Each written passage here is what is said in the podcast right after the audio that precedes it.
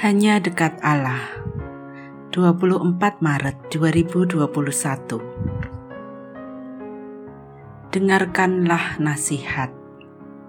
Amsal 19 ayat 20 Dengarkanlah nasihat dan terimalah didikan supaya engkau menjadi bijak di masa depan.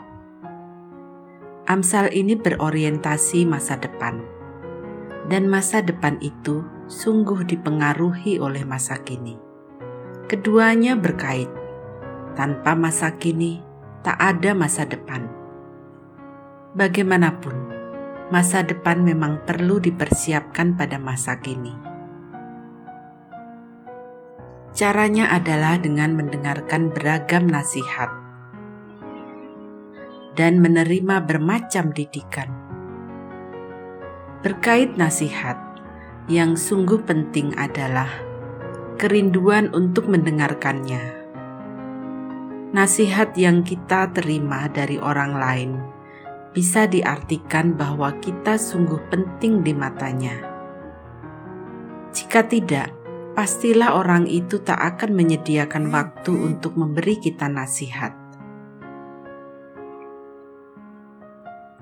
Tentu saja, nasihat tak hanya bersifat verbal. Pada kenyataannya, kita pun bisa mendapatkannya dari buku atau koran, atau situasi yang kita baca dan lihat. Namun demikian, tetap diperlukan kesediaan diri untuk mendengarkan. Bagaimanapun, saat membaca, kita mendengarkan suara kita, meski dalam hati dan mata yang sungguh terbuka akan mendorong kita merenungkan apa yang kita lihat.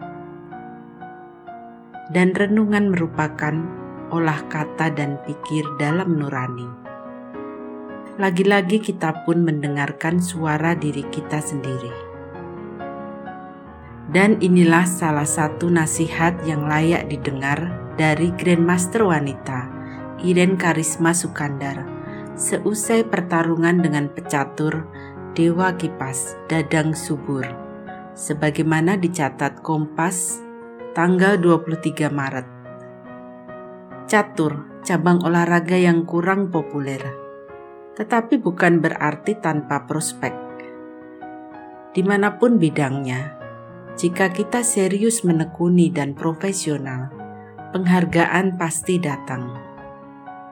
Iren benar, yang penting adalah ketekunan, dan ketekunan merupakan buah dari sikap profesional.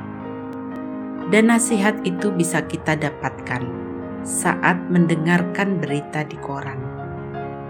Salam semangat dari kami, literatur perkantas nasional. Sahabat Anda bertumbuh.